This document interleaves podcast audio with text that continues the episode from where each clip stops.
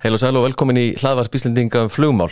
Árið 2023 hefur verið áru vakstar í fluginu á flestum vikstöðum og Æslander hefur stækkað hratt á árinu. Vetrar áallun félagsins í vetur er sem dæmi svo lang stæsta til þessa. Á nýju ári verða innleitar fyrstu Airbus vilarnar í rekstri félagsins og plönin eru að flugveilaflotin alltaf tvöfaldist og verði alltaf 100 flugveilar á næsta ára tög eða svo. Þessari fjölgun fylgja ymsir vakstaverkir, verkefni og áskoranir og fyrir utan þessar hefðbundnu sem að fylgja því að reyka flugfélag á Íslandi eins og Elgós, Vonsku veður og Verkvöld. Hún er mætt til okkar Linda Gunnarsdóttir yfirflugstjóru Æslandir og við ætlum að fara aðeins yfir málinn. Ég finnst að viðbyrði þessa ás og plönin framöndan. Ekki missa þessu.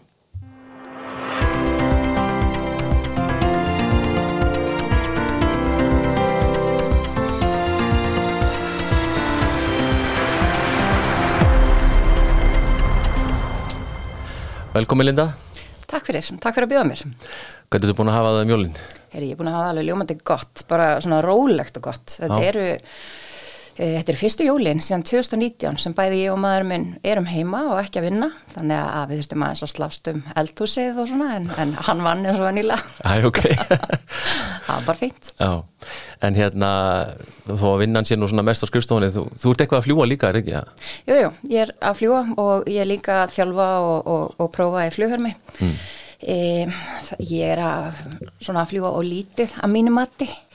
Það er nú einhvern veginn þannig að síðan ég byrjaði í, í, í núverandi starfi á skrifstofu það hafa verið afar stórar áskorunir sem við höfum þurft að taka stafið sem hafa tekið náttúrulega bæði tíma og, og kraft.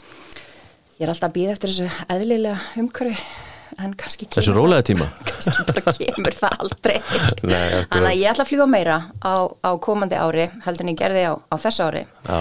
Og það er alltaf bara nöðsilegt að vera með puttan á púlsunum finna Mm. hver í gangi auðvitað halda sér í góðu flugformi og, og, og svo bara svo gaman að fljúa Já. Það er hansi stór áallun hjá félaginu svona núna, þú veist, yfir þessa hátíðisdaga líka, maður sé það, það eru, það eru miklar, margar reyfingar og, og mikið af fólki að, að- að fara til og frá vinnu.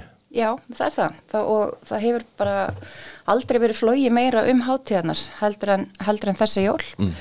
Og jólaallinin held að hafa verið rétt um hvað, 145 flug, eitthvað svo leis Þannig að það eru margi sem eru, þú veist, á vegum félagsins ellendis, e, jól og áramót. Já, e, já, ekki Það er jól og áramót Það er, þá. Já, það er reynd að skipta í þannig að, að fólk sé annarkvort jól eða áramót þó að það sé reyndar eina áhöfn núna hjá okkur sem er, er kórutökja og svo er svona ákveð punktakerfi til þess að reyna að ná dreifingu á milli manna þannig að það sé ekki alltaf, alltaf sama fólki Mhm. en svo er alltaf pínu ásókn í þetta. Það er bara sömum hendar að, vera í burtu og og það er, það er fínt. En, en auðvitað erfitt ofta að vera í burtu frá, frá fjölskyldu sérstaklega fólk er með lítið börn og svona. Mm og þetta er, svona, þetta er partur af þessu starfi að það er að, að vinna þegar aðrir eru í fríi. Já.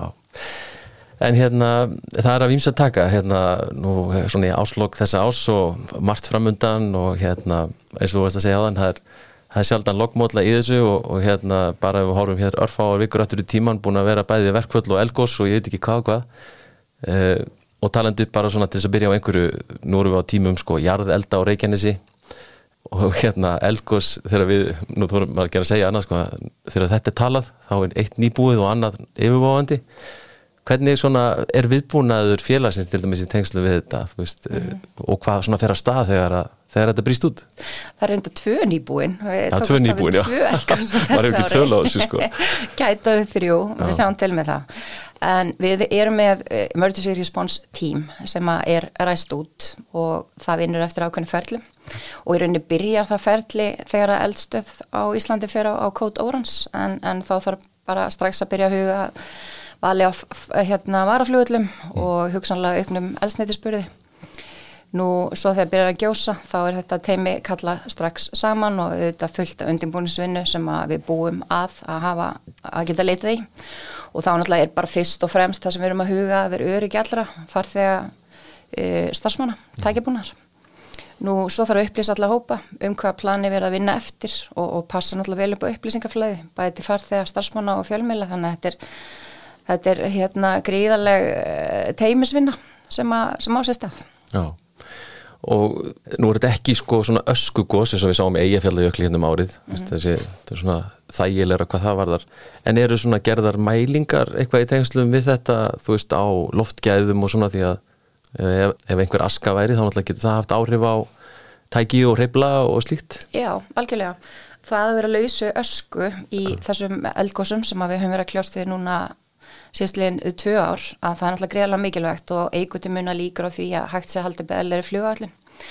En svo er það nú þannig að móðu náttúra er bara svo ódreiknileg að við getum aldrei gengið út frá því að gós verði þannig.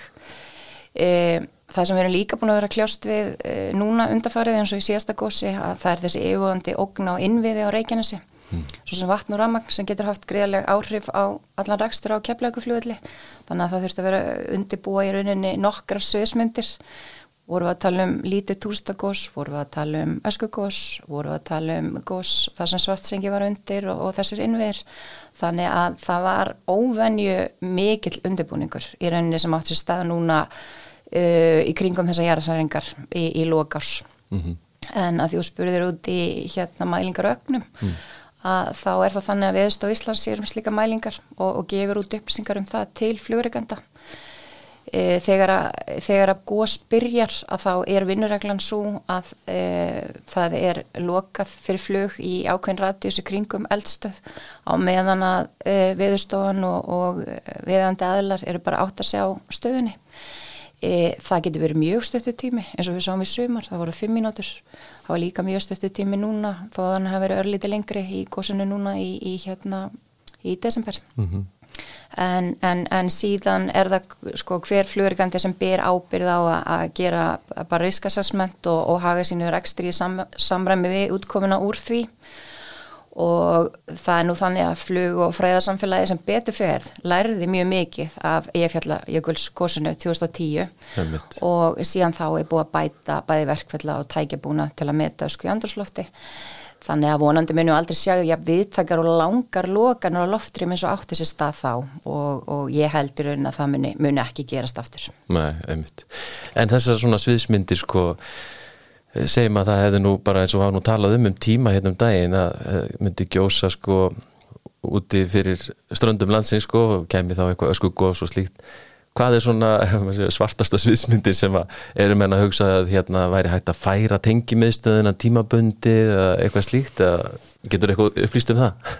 Ég sko svartasta sviðsmyndin ennúttulega ef að það yrði öskugós á Reykjanesi því að, að það myndi hafa klálega áhrif á rekstur á keflaugufljóðli, jafnvel Reykjavíkufljóðli líka og ekkert útiloka að það hefði áhrif á aðra millilandafljóðli á landinu sem er það bara Akureyri og, og Egilstæðir.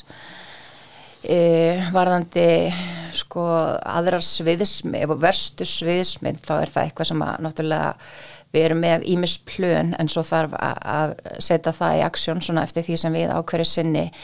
En ég sé ekki fram og við hefum ekki vonað því að það verði hægt að endur taka leikin e, frá 2010 nema að taka mér skoðu leiti en, en þá þegar að keflaði glókaðist var tengimistöð Æslandir flutt til Glasgow. -hmm. Og reyndar vorum líka með, e, vorum líka nota Bergen og, og fleiri flugvelli en munurinn núna og þá er bara að vera með mun starri flugallun, fleiri fluglegar ekstri, e, það eru fái flugvellir í kringum okkur sem geta tekið við slíkum rekstri með stöttum fyrirvara. Við vorum greiðlega heppin á sínum tíma þegar við hérna farðum okkur til Glasgow e, því að þá var nýbúið að opna nýja flugstöð í, í Glasgow sem var ekki komin í fulla, fulla notkun og gætt tekið við okkur. Ah, þannig að þannig að og svo náttúrulega út af Brexit þá er Glasgow líka orðin bara mjög flókin flugvellir fyrir okkur að, að hérna opera inn út úr að nöður aðri flugvellir en, en, en við skulum bara vona að við komist ekki að þann stað. Nei, það er náttúrulega stór faktor í þessu líka mitt eins og Brexit allt og, og allt flækjust í kringu það. Já, alveg, klálega, klálega En hérna, þetta hefur haft heilmikil áhrif samt og maður heyrt talað um að það er svona hægt á bókunum og svona og, og er það svona að hafa nú þegar einhver áhrif á, á plönin svona sem að þú ert að vinna með og slíkt skilur við bara þjálfanirinn í nýjáriðið og ráðningar og svoleið sem er kannski ræða nú betur á eftir?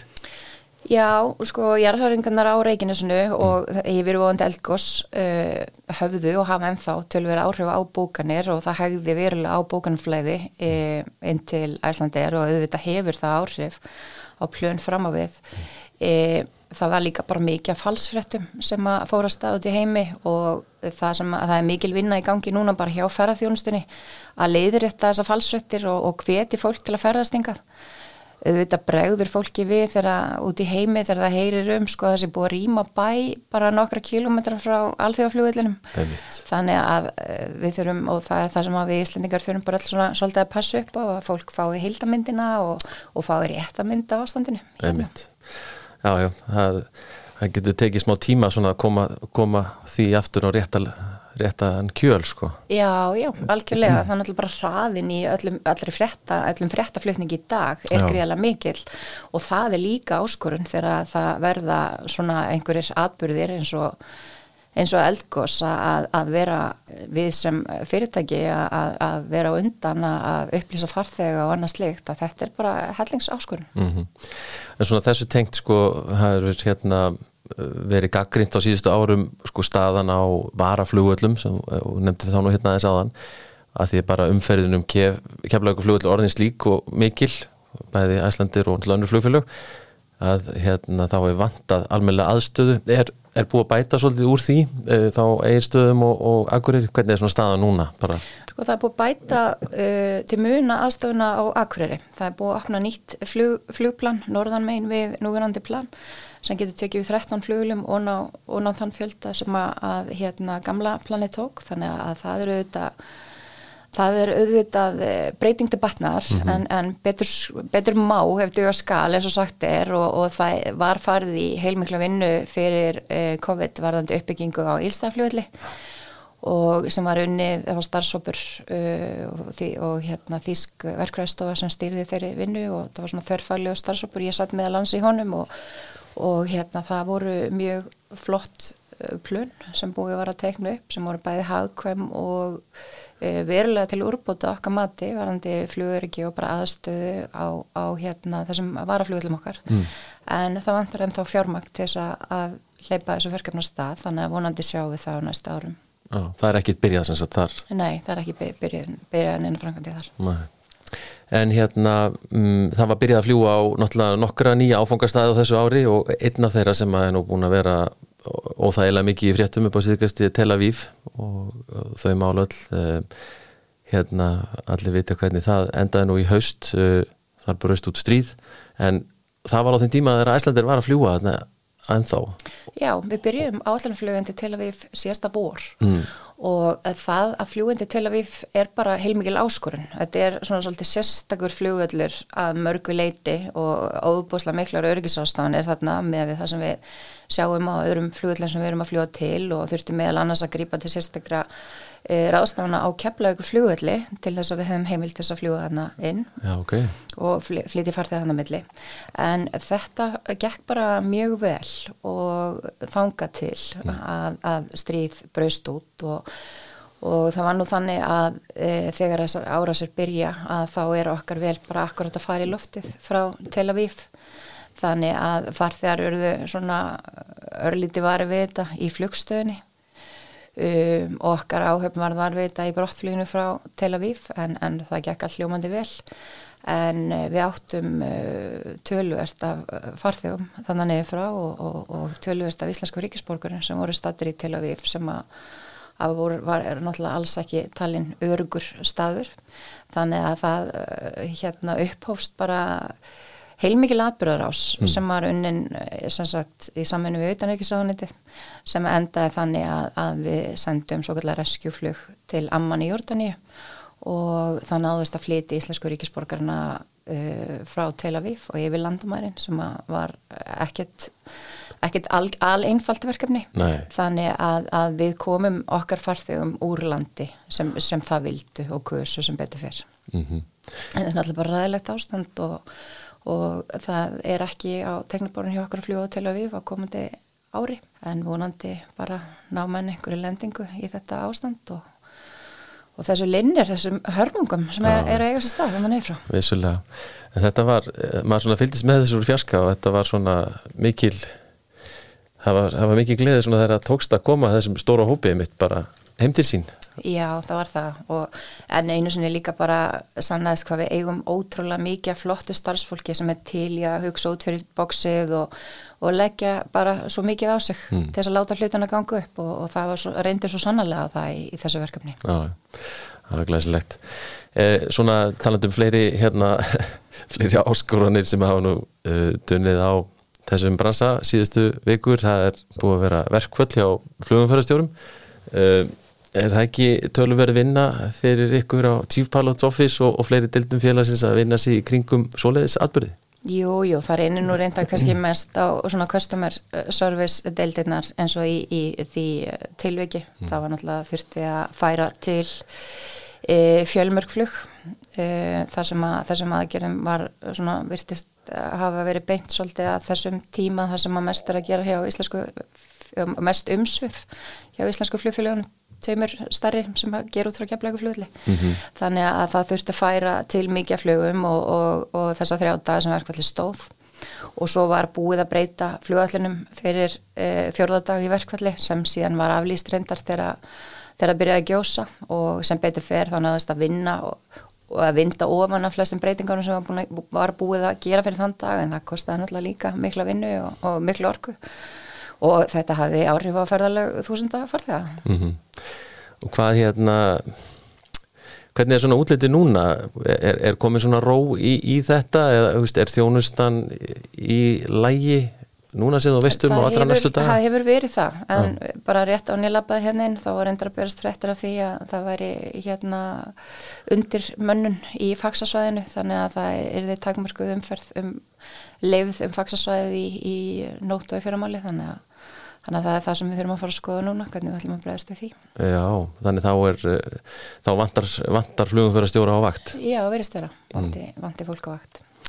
Já, það er vonandi að menn fara að klára þessa samninga Ísafi á og flugum fyrir að stjórar klári sín mál, þannig að það sé að halda þessu uppi svo vel sé. Algjörlega, það er bara óskandi að það verði því að auðvitað skiptir þetta já, okkur sem flugfélag miklu máli en ekki síður bara Íslands samfélag þar sem mhm. að, að bara flugurekstur og ferðarþjónust það er bara orðin svo gríðalega gríðalega stóra aðtörningurinn. Nei mitt. Heyrðu, tölum aðeins um hérna ráðningarnar uh, sem þú ert með puttan á þeim púlsi ansið vel uh, og það er svona, er svona tilfýringuna sem sé bara búið að vera ráðningar í gangi hjá þessu félagi allt þetta ár. er, er, það, er það rétt tilfýring? Sko, ég ekki nýráningar en við náttúrulega erum búin að vera að taka inn fólk til starfa eiginlega bara algjörlega látlust í ja, líklega átján mánuði. Hluta því eru endurráningar eftir COVID, hluti er fólk sem er að koma á launlösu leifum en svo höfum við líka verið með nýráningar og, og við vorum líka að taka katetta til starfa mm -hmm. sem að, að voru í rauninni teknir inn í katettprogram hjá Íslandi er á árunum 2017-19 en þeirra innkomaðin til fyrirtæki sem senka er náttúrulega umfram plön út af COVID-19 þannig að hérna því að spyrja með ráningaferli að það voru með ráningaferli í mars og reðum eh, tíu fljúmenn til eh, starfa síðasta vor, ný, nýriðum mm. og svo fórum við aftur að staða með ráningaferli núna í haust sem er reyndar ekki búið að, að klára og eh, við náttúrulega erum bara heppin, við fengum greiðlega mikið bara flottum umsóknum og bæði frá reynslu meira sem á reynslu minna fólki. Við höfum verið að leita, leita meira í reynslu meira fólki að þessu sinni. Það bara hendar betur inn í reksturinn eins og hann lítur út akkurat núna. Uh, þetta eru stóru og þungferðli þetta samanstendur af uh, nokkurum sálfræð og personleika prófum við höfum verið að kera flughermupróf í flughermunum okkar í hefnafyrði og, og svo viðtöll þannig að það er gríðarlega vinna sem að, að liggur að baki þessu og vandasamt og, mm. og, og hérna og við viljum reyna að gera þetta vel. Hvað voru það að fá til dæmis margar umsóknir núna í síðasta ferli? Svona gildar umsóknir? Já, við höfum nú kannski ekki alveg verið að fara í það en það voru mjög margar og, og mun fleiri heldur við áttum vona og það sem kom, það var kannski tvent sem kom gróðvart, bæði hérna fjöldi, eða segla þrennt sem kom gróðvart, mm. fjöldi umsókna uh, fjöldi reynslu mikils fólk sem að var að segja um hjá okkur og svo líka hvað reynslu mikið fólk var bara margi hverjar að koma greiðlega vel út úr ráningaferlinu. Mér reynslu lítið fólk? Já, reynslu lítið fólk. Já, já. já. Sem að bendi til þess að, beila hugsanlega flugkjensla og þessu breytingar sem hafa verið gerð, gerðar e, náttúrulega flughermið þjálfunum meiri partur af, af ATPL réttindunum að, mm. að það sé svona að, að skila sér fólk er e, svona reyndara í svona fjölstjórnar umhverfi mm -hmm. En hvað eru búið að ráða bara til dæmis ný, marga nýja flugmenn á þessu ári? Já, sko við hefum náttúrulega bara aldrei þjálfað í að marga eins og við gerðum síðast legin vetur. Þá hérna þjálfuðum við 140 flugmenn. Mm. og eins og ég kom inn á hana þá saman stóð sáhópur af endur komið fljómanum sem að voru að koma tilbaka eftir COVID uppsagnir. Uh, nú einhverju voru að koma lögnlösum leifum uh, við tókum inn 33 kattetta síðasta vor og svo 10 nýðráningar uh, núna í vetur þá er það nú bara létt og löðumannlegt hjá okkur, þetta er ekki nema svona 55 til 60 þjálfonir sem er eitthvað alveg greiðalega mikið líka. Já.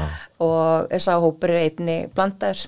Um, það er eitthvað allir flugmenn sem fengur COVID uppsögnir og komur aftur til starfa en það eru nokkrar að koma aftur tilbaka á launlösu leifum sem hafa verið að vinna við önnustörf um, nú ný, nýráningar núna í uh, eru rétt um uh, 30 manns þannig að svona samtals á þessu ári þá er þetta yfir 79 stöð, stöðugildi fljómana og við höfum náttúrulega bara aldrei vaksið sem fyrirtæki og við líka hraða eins og, eins og bara síðustu misseri og, og heilda fjöldi fljómanna hjá Íslandi er, er komin yfir 600 fljóman í, í fyrsta skipti. Þannig yfir 600 já? Já, hann er komin í það, þannig að þetta er, þetta er stór hópur. Já, þetta barst í talja mér í einu jólabóði núna, þú veist, uh, svona umfang þessar ekstra ræslandir og og ég spurði mitt uh, þar þeirra svona spurningar hvað haldið það séu margir flugmenn hjá Æslandir mm -hmm. og við komum til, já, árauglega mjög margir, er þetta ekki alveg svona 200 eða eitthvað. Mm -hmm. Já, ég veit Þá sagði ég nú, það er allavega millir 5 og 600 já, Þetta við... kemur fólki svolítið óvart sko. Já, já, við erum svona eins og bara lítið fólk út af landi. Já, akkurat. Þannig, og ég heyrði það var náttúrulega gaman að skoða þetta núna ég heyrði eitthvað tíman fyrir COVID að 1% af vinnuafli landsmanna væri í áhöfnum hjá Æslandir mm -hmm og ég hugsa sem ekkert fjari því núna og kannski komin yfir það. Já, akkurat.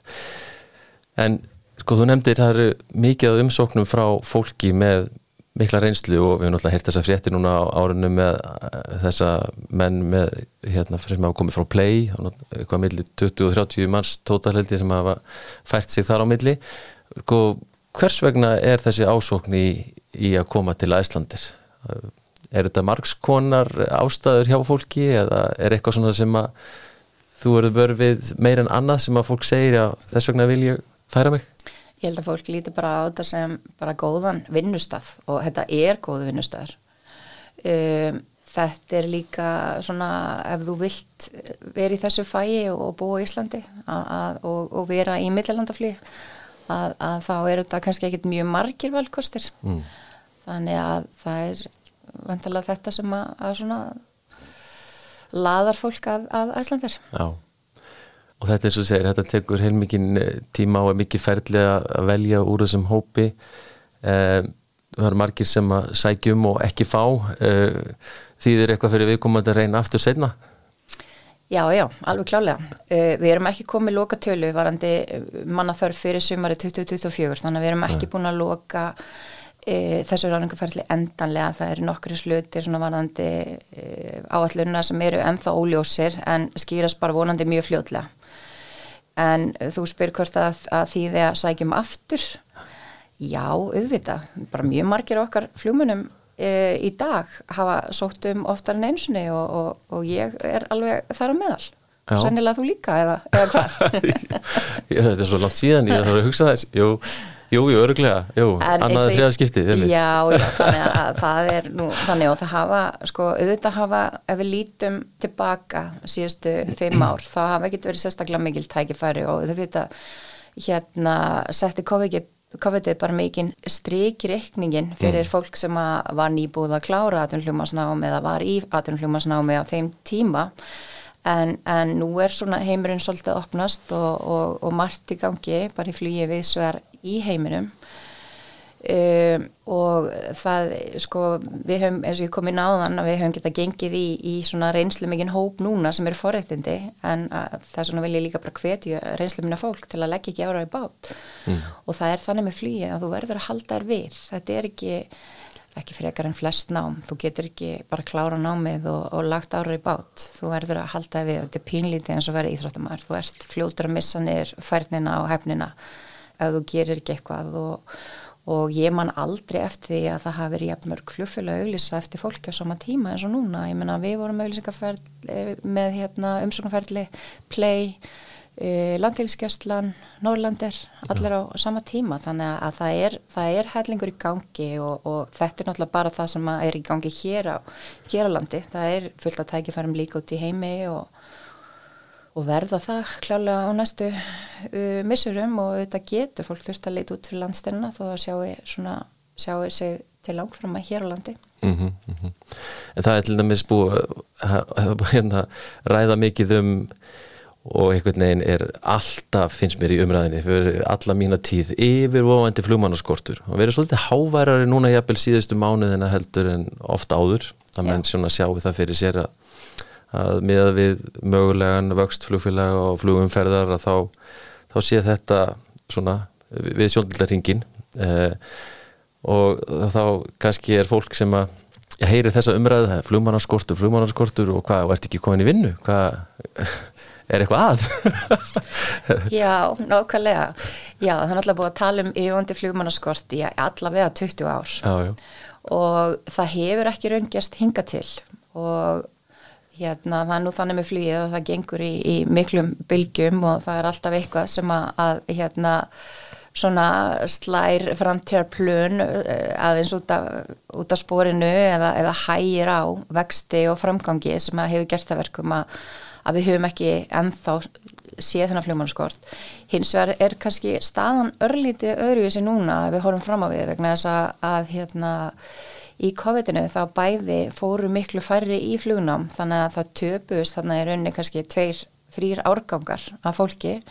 Og uh, það gerðist og við höfum ekki séð hjá okkar fyrirtæki að þá veit ég að það er staðan hjá mörgum fyrirtækjum erlendis að fólk snýri bara ekki tilbaka í flugið. Það var, bara fann sér aðra vinnu uh, og, og bara leitaði ekki, ekki tilbaka í, í fyrirstarf þannig að ég veit að það er að verða erfitt svona í ákveðnum geirum sem að eru kannski hugsanlega svona aðeins minna vinsalir hjá flugmönnum eins og, og fraktflug og það náttúrulega bara kemur til að því að, að það er svo mikið á nóttunni og, og svona er verið tímum solaringsins þannig að og í bandaríkjunum eru mennpartner að sjá skort. En, en hér á landi ekki ennþá og þess vegna eins og ég kom inn á áðan við í rauninni vissum ekki alveg hvað væri hana úti því að það er langt sem við höfum auglist síðast og, og það kom okkur skemmtilega óvart að sjá hvað er mikið flóra og, og mikið af, af flottu fólki og markanum ennþá.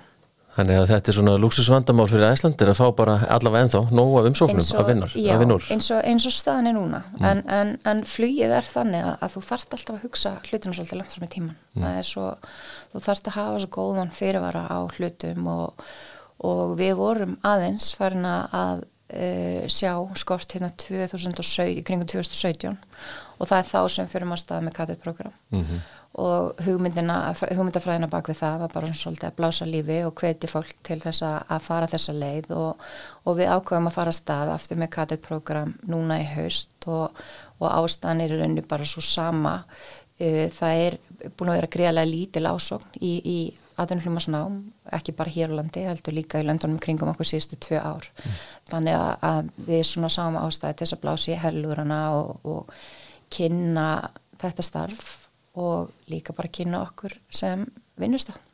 Þið heldur þannig að, hvað, okkur tvo kynningafundi í haust, ekki satt, um þetta program sem þið fóruð að stað með núna og það var vel sótt en, en fenguði í kjölfarið mikið af umsóknum frá svona, hvað sé að hæfum kandidötum? Já, við gerum það. Við hérna, vorum með tvo kynningafundi mm. uh, núna í september sem við heldum í þjálfnasetturinn okkar í, í Hafnafyrði.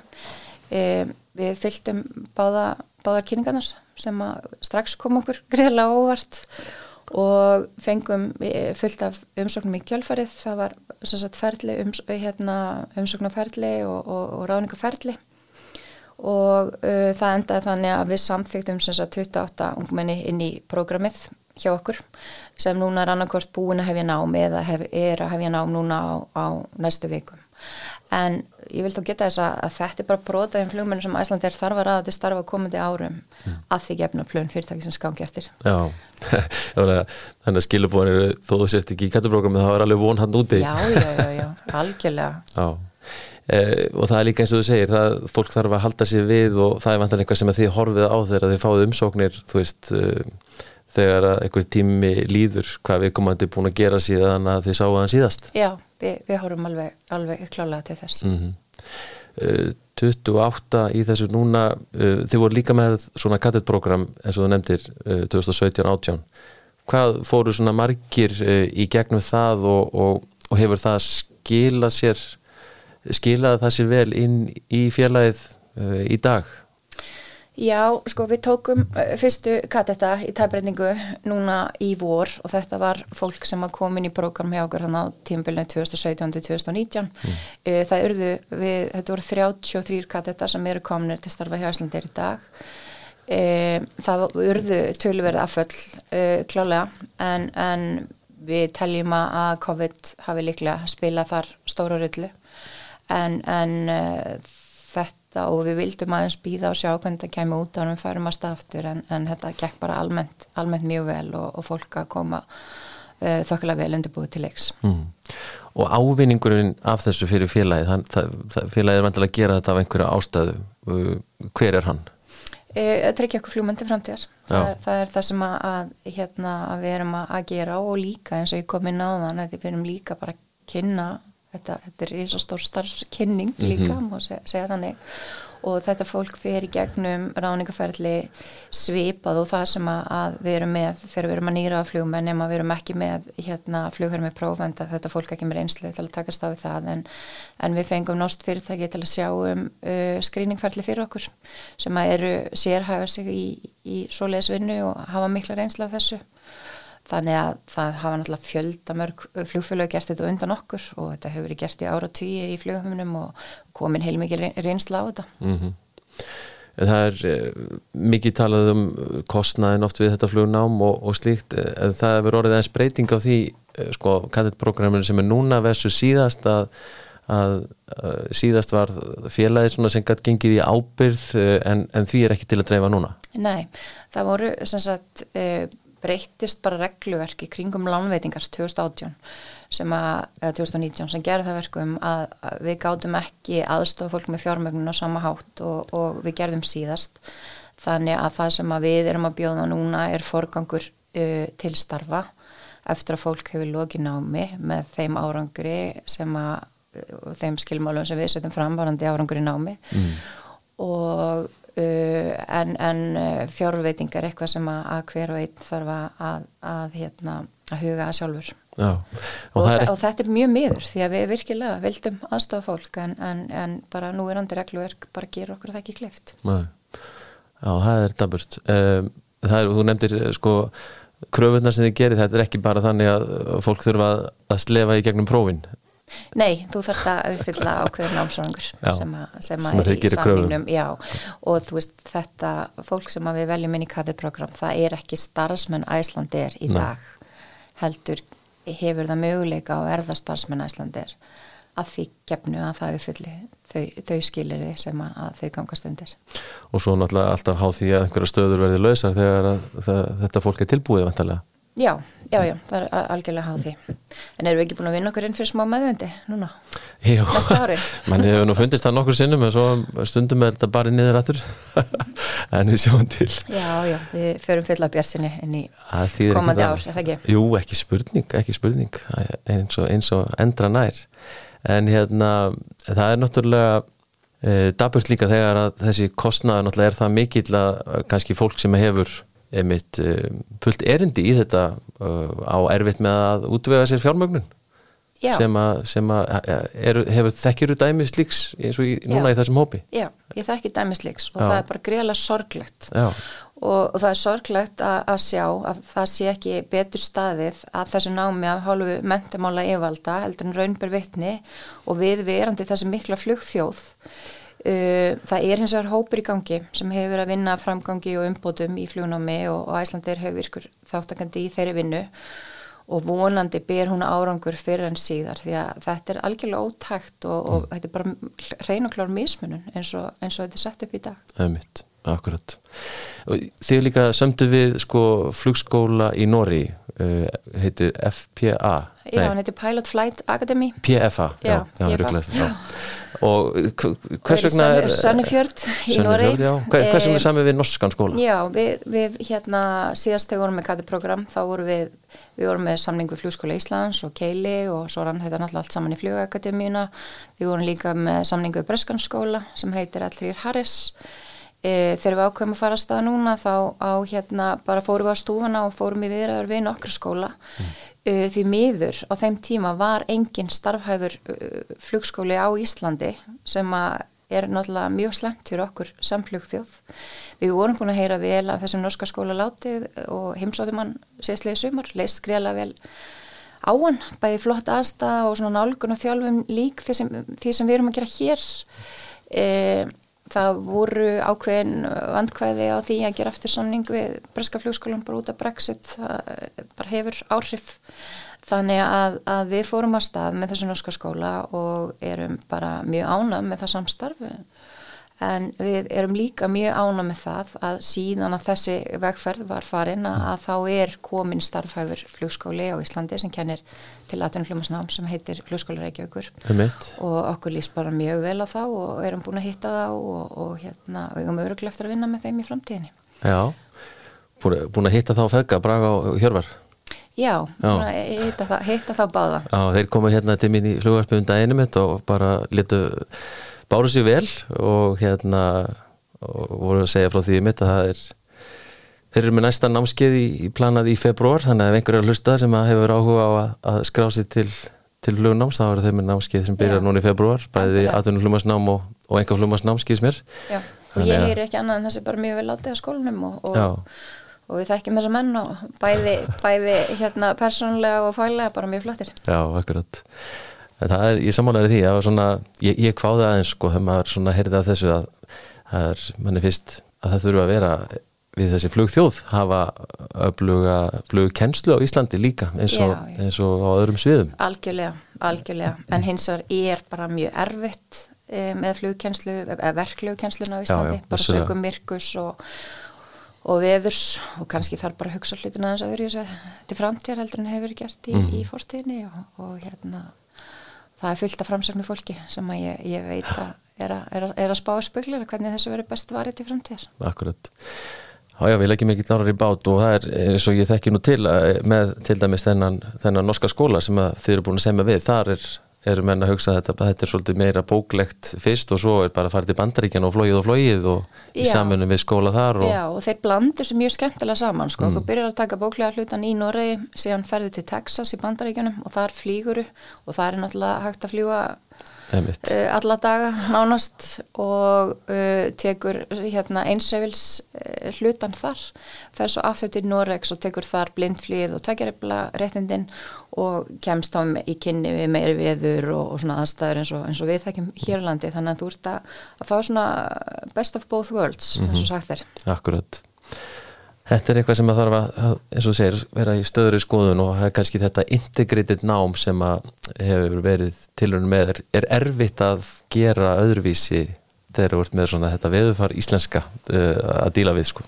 Já, já, það er það og, og hérna, en, en, en það, er, það er alltaf leiðir. Já, fylgjast áfram með þessu og, og hérna, menn er ekkit að gefast upp á fluggjensla á Íslandi þó að þetta hafi farið svo það fór hjá flugakademíunni en hérna eitt af því sem var öðruvísi núna þessu ári og versus það sem var oft séð allavega hérna fyrir nokkrum árum síðan var að Æslandir var alltaf að segja upp fólki á höstin það var til dæmis ekki núna auðvitað er það náttúrulega jákvægt að mörguleiti en er þá ekki svolítið svona vel ríflega mannað yfir vetramánuðina núna? Jú, það, það er það. Það er, við erum yfirmönnu núna í vetur. Við erum hins vegar í mjög umfangsmiklum þjálfunum mm. þannig að, að en auðvitað er mjög kostnaðsamt að vera yfirmannaður og það er ekkit vænilegt til árangust til lengtar Nei. og það er ekkit fyrirtæki sem hefur efna því að, að manna sig ekki í takt við verkefni hverju sinni þannig að það er svona eitthvað sem að náttúrulega er búið að vera að skoða og þarf að skoða áfram veist hvernig er hægt að jafna út þessar ástíðasöflur en frekar heldur en við erum þeirra að gera í dag? Það er búið að fara í hellingsáttök og, og, og það þarf að halda þeirri vinna áfram og, og hugsanlega skoða líka bara aðra leiðir. Já, einmitt. En hérna, setjum aðeins punkt við þetta uh, og í flótamálin það er hérna náttúrulega held ég bara einn svona frétta ársins þegar Æsland er semur um að fá Airbus inn í flótan gríðarlega stóra fréttir hvernig stendur það mál núna varðandi innleðing á þessum nýju vélum? Já, það var skrifandi samning síðasta sumar um, um kaup á Airbus vélum og þetta var bara eitt stærsti samningur sem ég held að Íslands fyrirtæki hafi, hafi gert e, Fyrsta vel er í afhendingu til okkar í oktober 2024 fáum, fáum tvær velar í, eða, eins og plunin eru fáum tvær velar fyrir áramót fyrir áramótin 24-25 og svo tvær hann fljóðlega eftir áramót. Þannig að við erum bara að byrja að undirbúa komið þessara vela um sem vikstöðum. E, við þurftum að klára spekkvinnu síðastlega sömar hvernig við ætlum að hafa velanar útbúnar. Já. Um og síðan er bara verið að smíða þær og við fáum þær afhendar bara beintröðismjónum eftir, eftir ár. Þannig að það er þetta, þetta er rísa verkefni en, en alveg greiðilega, greiðilega spennandi. Já, við trúið því. Hvað hérna, ég veit nú að þú ert nú það er ekki látt síðan að þú varst í Toulouse hvað hérna, var eitthvað sérstatt svona tilöfni þar eða? Fyrir utan að skoða jólumarkaðin í Toulouse. Já, og fá sér, fá sér smá glögg og svona örgla já, já. e, já, ég var svo heppin að fara og heimsækja Airbus-vesmiðna núna meðan desember. Já. Ég og Guðmundur Tómas sem er yfir þjálfunarmálunum hjá Íslandir fórum saman og, og við vorum hann bara að ræða þjálfunarmál og, og svona sjá hvað Airbus býður upp á í þeim efnum. Svona fá, sjá, sjá vörurnar í, í hillinni og svo fengum við líka sko framljóslinnar hjá þeim sem var alveg stórmerkilegt og þetta er alveg magnað hvað þetta er stórt og mikið apparat allt saman. Og hvað er mikið af þessu framleitt í Evrópu, það var það sem komið svo óvart.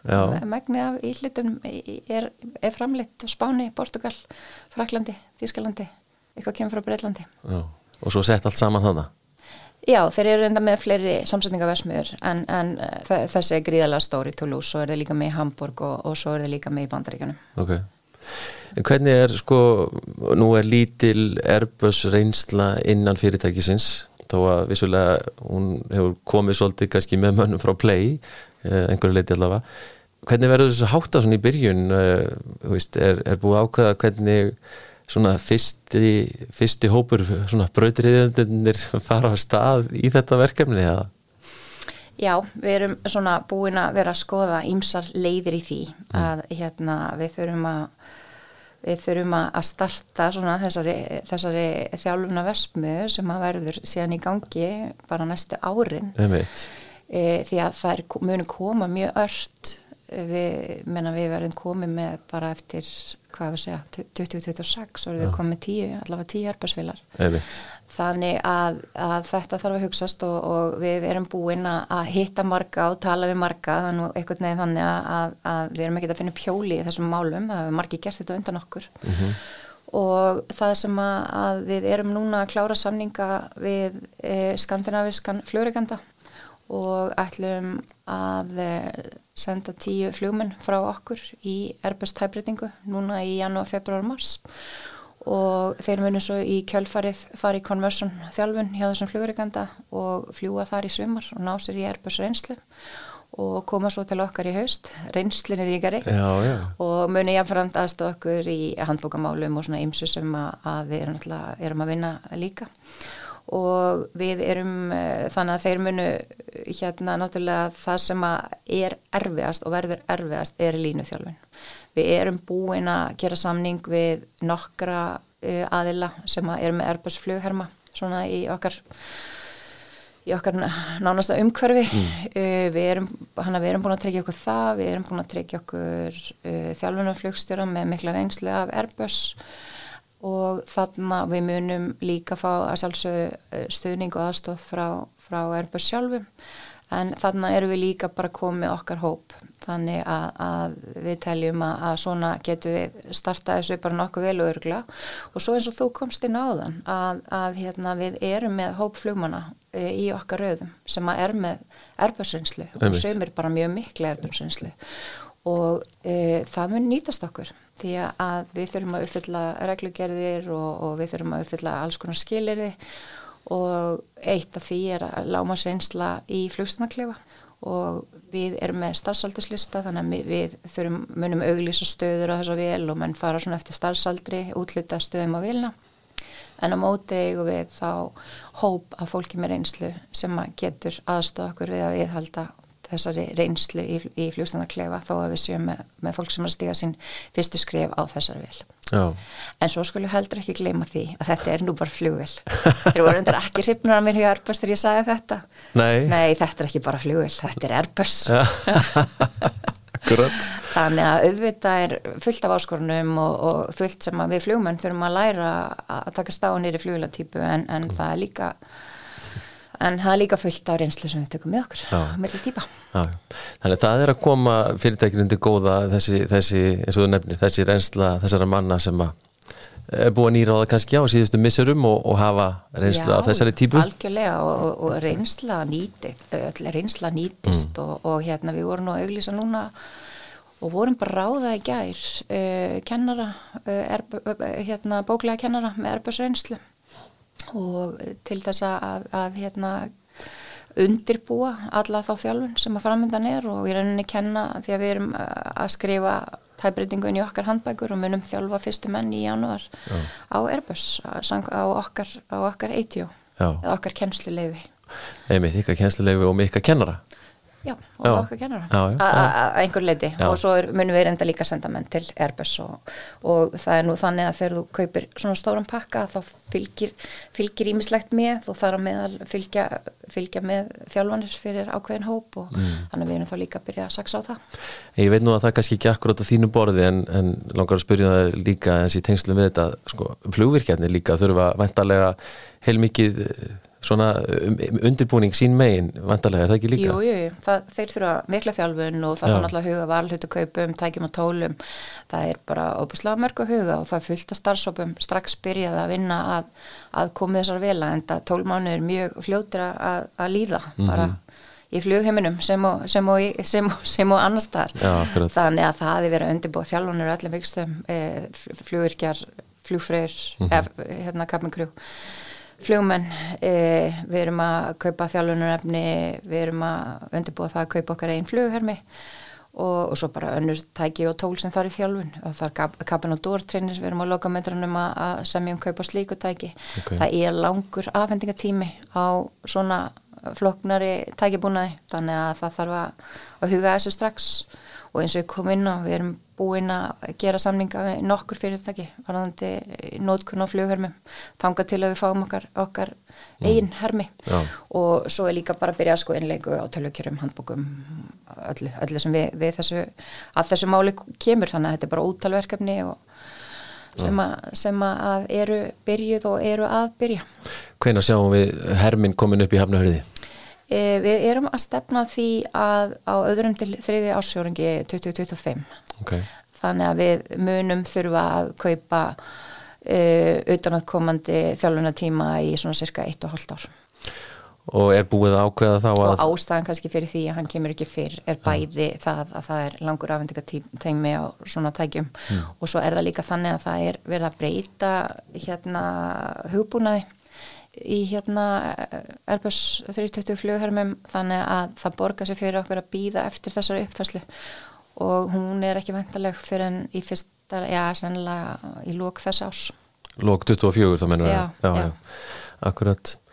En er það búið ákveða sko hvort að uh, fólk byggir við hann í Hafnarferði eða á að taka einhvern af þessum þremur sem er í dag og, og eins og 57 eða eitthvað slíkt sem er svona útleð og og, og, og setja þennan í staðin Þetta er virkilega góð spurning.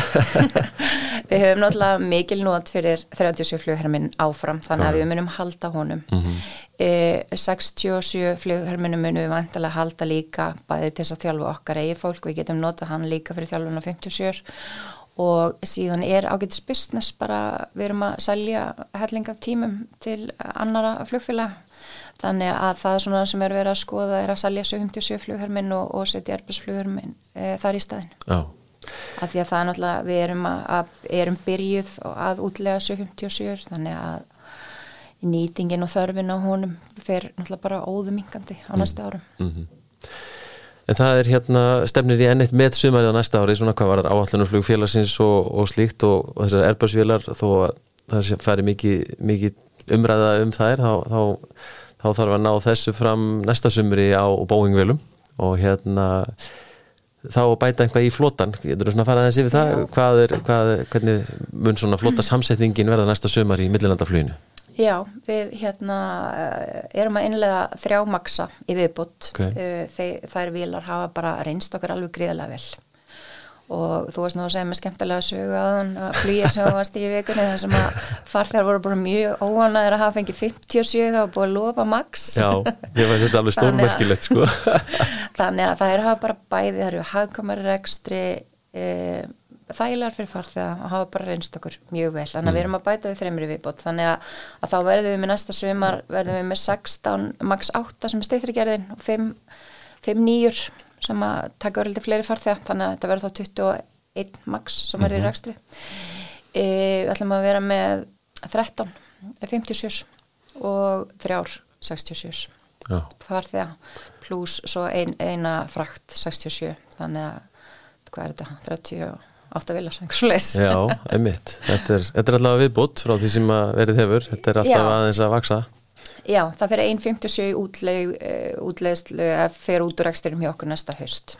Ok, þannig að uh, þetta er sennilega svona ef að plöning ganga eftir með, með því fórorðið eins og alltaf að þá er þetta svona síðasta sumarið með þetta mörgum 57, að Er það ekki Já, líklegt að það jú. er svona feitið aðeins hraðar út svona eftir næsta sumar? Jú, jú, það, það er muni að gera það og, og hérna þessar vilar uh, eins og við þekkjum bæði, þetta eru bara alveg ofbóðslega góð tæki. Já. og þetta eru svo miklu vinnuhestar um, og þær hafa bara reynst okkur bara gríðarlega vel í, í gegnum árin. Mm -hmm. en þær eru orðna þungar í viðhaldi. Það er bara eftir því sem vel er eldast eins og þú þekkir þetta er svo reglugjör að stýrt og það snýst allt um öryggi og, og þannig að, að þær eru orðnar svona þungar í preventiv viðhaldi þannig að, að það er svona þeirra tími er svona svolítið að verða bara komin Já enda búin að skila gríðalega góðu dagsverki Já, alveg, fyrir einhverju síðan jábel En sko, 37 sem er að koma þess að þrjár, er þetta velar frá Boeing? Eða? Já, tvær þeirra kom beint frá Vesmiðunum og ein er X Norwegian vel, sem að kemur, kemur ný til okkar í sjálfsir Og hvernig er staðan hjá herra Boeing núna? Er þetta á tíma? Er þetta að afhenda þetta svona samkvæmt plani? Sjáu þið það? Nei, Eða verður þetta? Nei, ekki svo leiðis það er ekki alveg þannig eh, það er einhver líklega einsti þryggja mánu að sengun á afhendingum fyrst að við látt að vera komin en, en, en er ekki komin en, en náttúrulega það sem að kaplöpi hjá okkur er bara að það séu tilbúinars fyrir sumarvertíðina og, og það er alveg að nást mm. En hérna en það verður spennand að sjá með Airbus hvernig þeim gengur að afhenda á, á tíma. Já, ég mitt akkurat. Þetta er alltaf sama, sama keppi keppliðar en að láta þessi plön standast. Já, já. En hérna uh, innanlandsflugið, uh, það hefur verið að auka náttúrulega heilmikið flugið þar líka eins og næsta sumar. Já, uh, það, er, það er endur ekki verið að auka, það er ekki verið að fylga vélum. Þar, það var fylgað meina vél fyrir sumari núna 2023 en það er verið að fylga áfangastöðum og við erum að byrja að flyga aftur hérna á færiðar. Um, síðan hefur náttúrulega bara grænlandsflýðið verið að aukast mjög mikið þannig að það er fullt af spennandi hlutum mm -hmm. í gangi þar leiguflug hefur líka aukist tölvert hjá þeim þannig að hérna, það gekk bara vel í innanlandsflýðinu á, á þessu ári og, og ég heyr ekki annað en að menn séu bara mjög bjart sinir fyrir, fyrir komandi ár Og þetta tengiflug Agurir í Keflavík er eitthvað sem að Já, á að halda áfram? Ég, sko það var gerð tilrönn með mm. það núna í november uh, ég hef ekki heyrt hvernig það kom út uh, mér skilst nú að bókanar hafi svona kannski húsanlega verið eitthvað undir vendingum okay. þannig að ég veit ekki hvort þessi búið að taka á, ákvörunum hvort því verður haldið áfram eða, eða hvað vonandi. En sko eh, varandi svona ráningar eins og, og flugmanna ráningar og slíkt eh, er verið að ráða þá eins og síðustu mánuðum missurum bæði innanlands og millilanda flugið eða hvað? Já, það var hérna ráðið e, það er búið að bæta ég nú ekki með töluna hvað er búið að bæta við mörgum flugmannum innanlands en á þessu ári en ég myndi svona sláða að það sé bara hátt í 15 Já, okay. sem er mjög mikið laukning þeir voru með ráningaferli í lokás 2022 og svo aftur núna í haust samlega okkur. Þannig að það hafa verið miklar bara ráningar og uppgangur þeim megin. En, en staðan er þannig að þó að þetta sé sama fyrirtæki að þá er þetta tvö aðskilin fluguristarlefi mm -hmm. og þetta eru tveir aðskildi starfsaldurslistar. Þannig að flugumenn innanlands og flugumenn í villilanda eru sittkor hópurinn þó að við séum samstagsfólk að vinna hjá sama fyrirtækinu. Já Og, og hvernig er það þegar fólk sækjur um? Er það tilgreinir það, heyrðu, ég ætla að sækjum innanlands eða millilanda? Já, eða? við gerðum það núna í fyrsta skipti að, að í þessu ráningaferli sem er búið í gangi núna í haust að, mm. að þá hérna, var, var það samlega fyrir innanlands og, og millilanda mm. þannig að fólk hatt mert við hvort það var að sækjum bara í annarkort eða, eða kórutvekja og flestir, lang, lang, lang flestir sótt um kórutvekja. Já, já. En þó einhverju svo sóttu bara minnalands og einhverju sem sóttu bara millilanda. Já, og þetta er eitthvað svona sem þið þurfið að skoða og vega að metna eins og allt annað í þessu eða hvað? Já, já, já, algjörlega og, og hérna, og það er mikið samstarf á milli þessara e, aðila mm. að þó að þetta séu aðskildir hópar og, og eins og ég segja aðskilin fljóðstarleifi að þá er, e, þá er hellingur sem að við getum aðstofa hvert annað með og við hefum til dæmis verið í auknum mæli að setja þessa hópa saman á námskeið og það hefur gefist bara greiðilega vel Já. og ég finn það að báðum hópum finnst það gott mm. og finnst það gott að eiga í auknum samskiptum hverju annan. Og er það þannig að, eh, sko, ef maður er ráðinn innanlands í dag, þá, þá er það heilmikil ákvörðun að og þarf bara að sækja bara um nýtt starf eða þú vilt færa þig yfir í millilandaflýð. Já, eins skrítið og það nú er, Já. þá er það akkurat og nákvæmlega þannig. Mitt, þetta er, þetta ég, ég man að mitt að vera rættumunda þegar ég kom tíðin síðast og, og hérna í mínum huga þá, þá finnst mér bæði gerlegt og skilsalegt að samin þess að tvo starfsaldurslista en, en sjá einhvað framtíðin byrju skoði Já, akkurat. Já, það er allt hægt ef viljinni er fyrir hendi. Það er nöfnilega bara svolítið þannig. Já, já, það verður spennandi að sjá hvernig, hvernig það þróast. En hérna það voru hér mjög stórhuga plön hjá Æslander Cargo sem að hafa því miður ekki kannski gengið eftir og, og hérna þannig að þú nefndir á það, menn horfa fram á það er bara engungu ein breyðþóta 767 í fraktflugi engungu sem er framöndan Já, það er rétt. Það var hérna stórblöringangi og við vorum uh, komin með í rauninni tvær og erum með í dag tvær 767 breyðhundur mm. í fraktflutningum. Uh, við vorum líka með tvær 57. Uh, við erum búin að taka báðar 57-nar úr rekstri. Önnur fór bara á ellilíferinn og, og henni komin í sólina í Arizona og býður þar bara eftir að vera sótt af, af sínum eiganda. E, planið er svo að annar 60 fraktarinn fari í langtímalegu frá og með janúar. Þannig að hún fyrir, flýur hér hérna landi brottvæntala um, um miðan janúar og, og þá stendur þessi eini 767 fraktari eftir í, í okkar ekstra í okkar leiðakerfi. E, og það er bara það varð ákveð hrun á fraktmarkaði og fraktinn fluttist svolítið aftur í belli frakt eða í farþega flugvilarnar eins og var fyrir COVID Um, þannig að við þurfum bara að standa á okkur þann storm, svo veit enginn hvað framtíðin byrju skautið sér, en, en, hérna, en eins og við erum búin að tala um, held ég áður í þessu viðtali að, að það, það sem fortíðin segir okkur, það er að flýju gengur stötibilgjum, svo að eina sem að veita ef það gengur ekki vel núna, þá steytist inn að stöpprisu.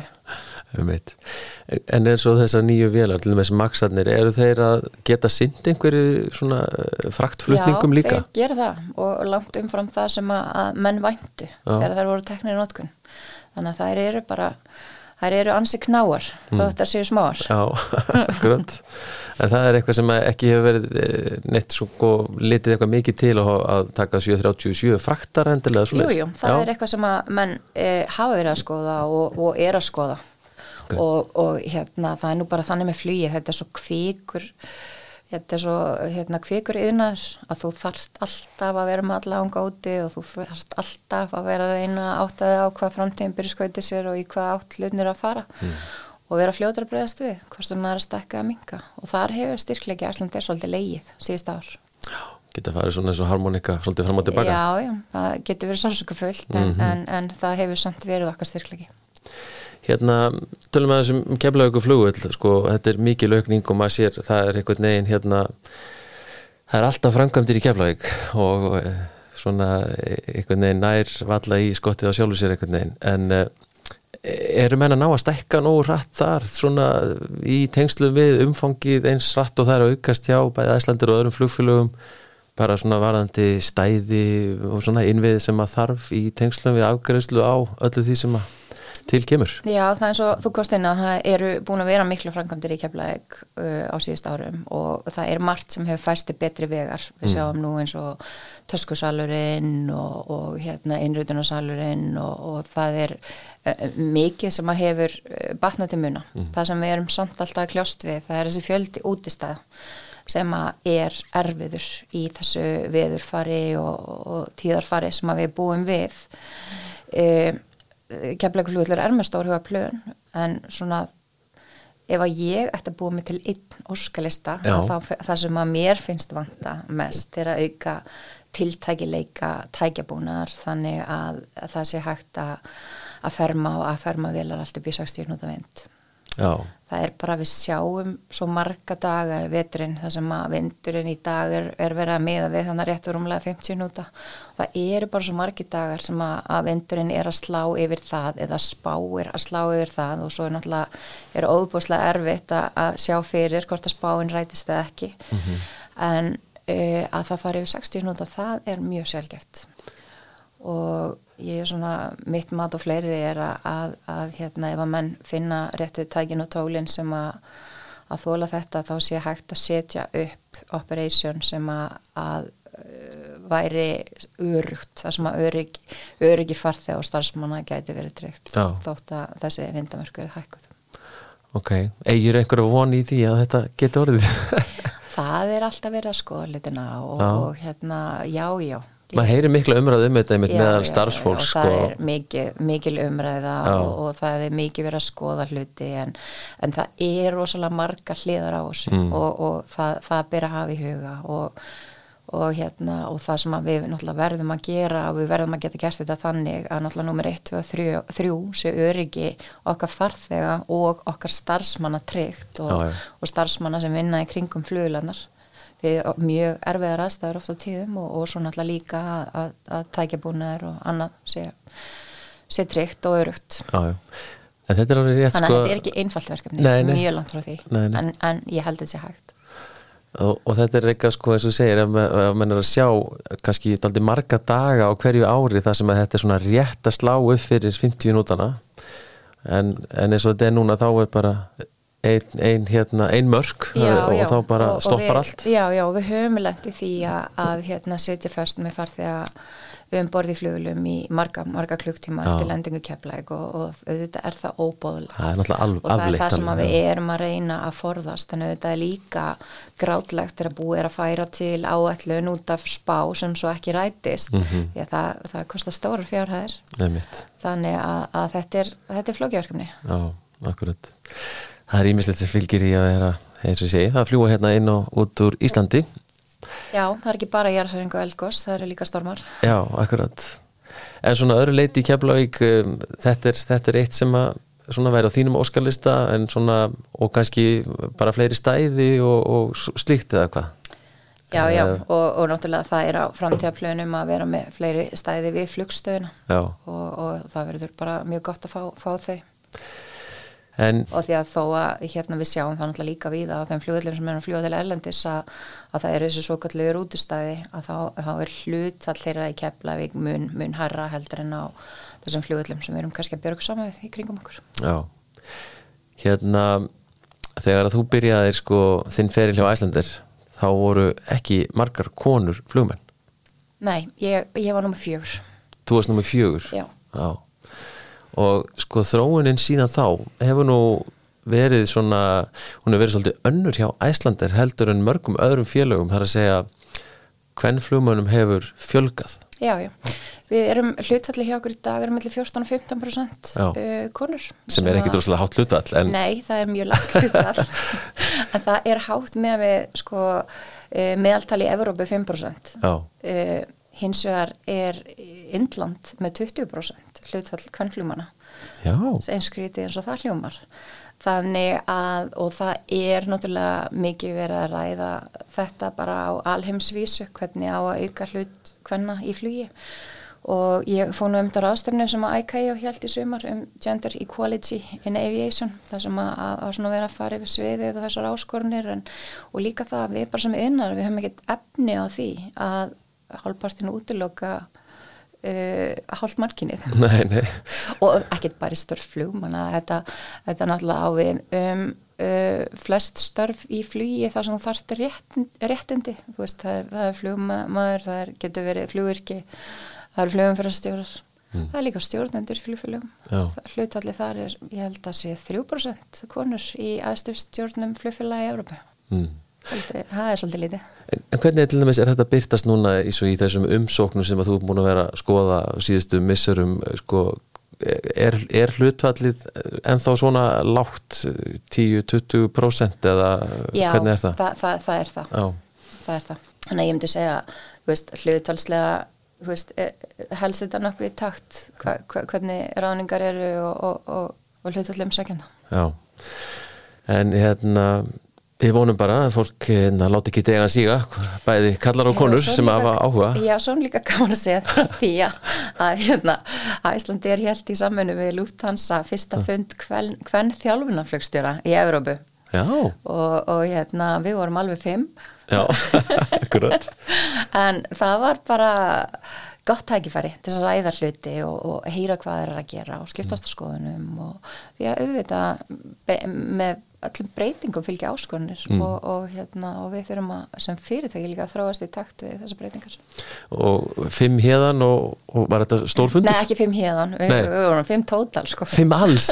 Ó, já, ég skil Ok Já, en við verðum mjög fleira næsta ári þetta við ætlum að hafa þetta áralegt og, og svona bara, já, aðeins að, að skoða hluti sem snúða þjálfunum og, og áskorunum Já Er, er mann að sjá það að það sé öðruvísi að þjálfa konur en kalla? Er þetta kannski eh, fáranlega spurning hjá mér? Nei, nei, hún er alls ekki fáranlega um, Já, ákveðnuleiti og sjáum við það okay. það er svona, já, stundum en auðvitað er þetta nummer 1, 2 og 3 bara einstaklingsbundið mm -hmm. það, það, er stóri hlutin eins og þú þekkir það náttúrulega vel sem þjálfunarflugstjóri að mm -hmm. þú nálgast enga, enga tvo einstakling á sama hátt nei, nei. og það er ekkert endilega neitt með kyn að gera Nei, nei og svo eru kallar og konur aðeins öðruvísi Já, ég myndi Ofta tíðum allavega? Já, ég, ég, ég, það, það er allavega mín sín og ég er bara stolt af því. Já, já, akkurat. En hérna Nú er árið senn á enda Það er náttúrulega mjög leiðild að geta þetta ekki kallmannlegar ákvarðanir en, en það er eitthvað sem maður þarf að lifa með. Ok. Jájú, en hérna er þetta eitthvað svona aðeins svona smá útudúr sem maður kannski ekki alveg á planinu hjá maður að fara í en svona dætt í hug hérna að því að þetta er svona samt tengist sko þessari umræði líka bara um eins eins og þú varst að koma inn á með yfirváðandi flugmannaskort og eitthvað svona og, og þá, þá er áhugavert að hugað þessum svona hvernig þetta er varandi kynin? Já, algjörlega og algjörlega og, og, og það að, að hérna já, við bara sem innar, við höfum ekki tefni á öðru Nei. heldur en að, horfa svona eins í fjölbreytilega og ekki bara kyn, bara fjölbreytilega yfir höfuð En hérna uh, nú er árið senn á enda þetta 2023, það búið að vera gott ár? Já, já, þetta er búið að vera fínt ár, það er búið að vera rosa mikið af áskorunum og, og verkefnum en, en þetta er búið að vera gott ár. Og, og kannski svona sem upp á stendur er náttúrulega bara flott samstarfsfólk sem að sko lifti bara svo oft grettistaki og, og leysir ótrúlegustu mál og yfirleitt með bros á vör, þetta kemur stöðt á, á óvart þannig að, að hérna, já, ég held að við getum litið bara nokkuð svo tilbaka. Mm. Personlega þá er þetta bara búið að vera mjög fínt ár, gengur bara fyrsta barni flög, flögur heiðrinu, þannig að, að hérna svona pínu breytinga á, á fjölskyldafjögum, en bara fyllt að skemmtilegum samveru með fjölskyld og vinum, vorum duglega ferðast, stunda útvist þegar tími gafst og, og ég ætla svo sannlega að halda því áfram. Nú svo tók ég skemmtibótaréttindi á árinu og, og eitti góðum tíma á sjó og hérna, Já.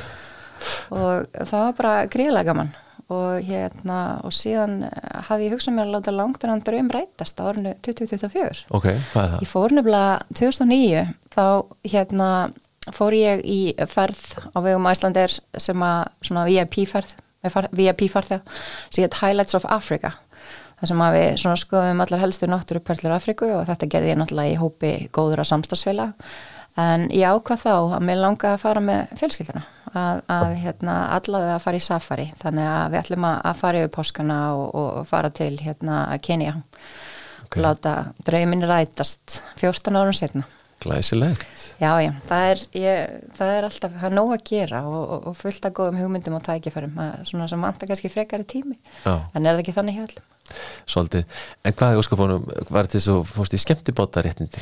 Ég hef bara, hef alltaf haft áhuga á siglingum og, og við bæði. Og pappi minn átti skútu í nokkur ár, sem á menn er í miðrahafi og ég sildi heilmikið með honum, við höfum farið nokkur sunnum í siglingar og legt okkur skúti í Karabíska og uh, þannig að þetta var svona bara næsta skref að ná sér í sér réttindi. Og hugsunum var nú kannski að, að hérna, geta leikt sér bát erlendis en, en svo keiftu við líka á svona góðum félögum uh, svona lítinn lítinn uh, ripp ribbot sem erum með í Kópáshöfn þannig að við fórum og tókum vestfyrðina og við fórum í flati og breyðafjörðin og Já, já, tókum nokkuð pikniki við og þetta er bara, þetta er bara skemmtilegt Þú sér náttúrulega einhvern veginn svona frá öðru sjónarhóndi. Maður er búin að sjá þetta, þú veist, gangandi, hlaupandi, bíl, snjósla, Og fljúandi? og- já, fljúandi, mótíhjóli, þetta var svona næsta skref. Þetta var eftir.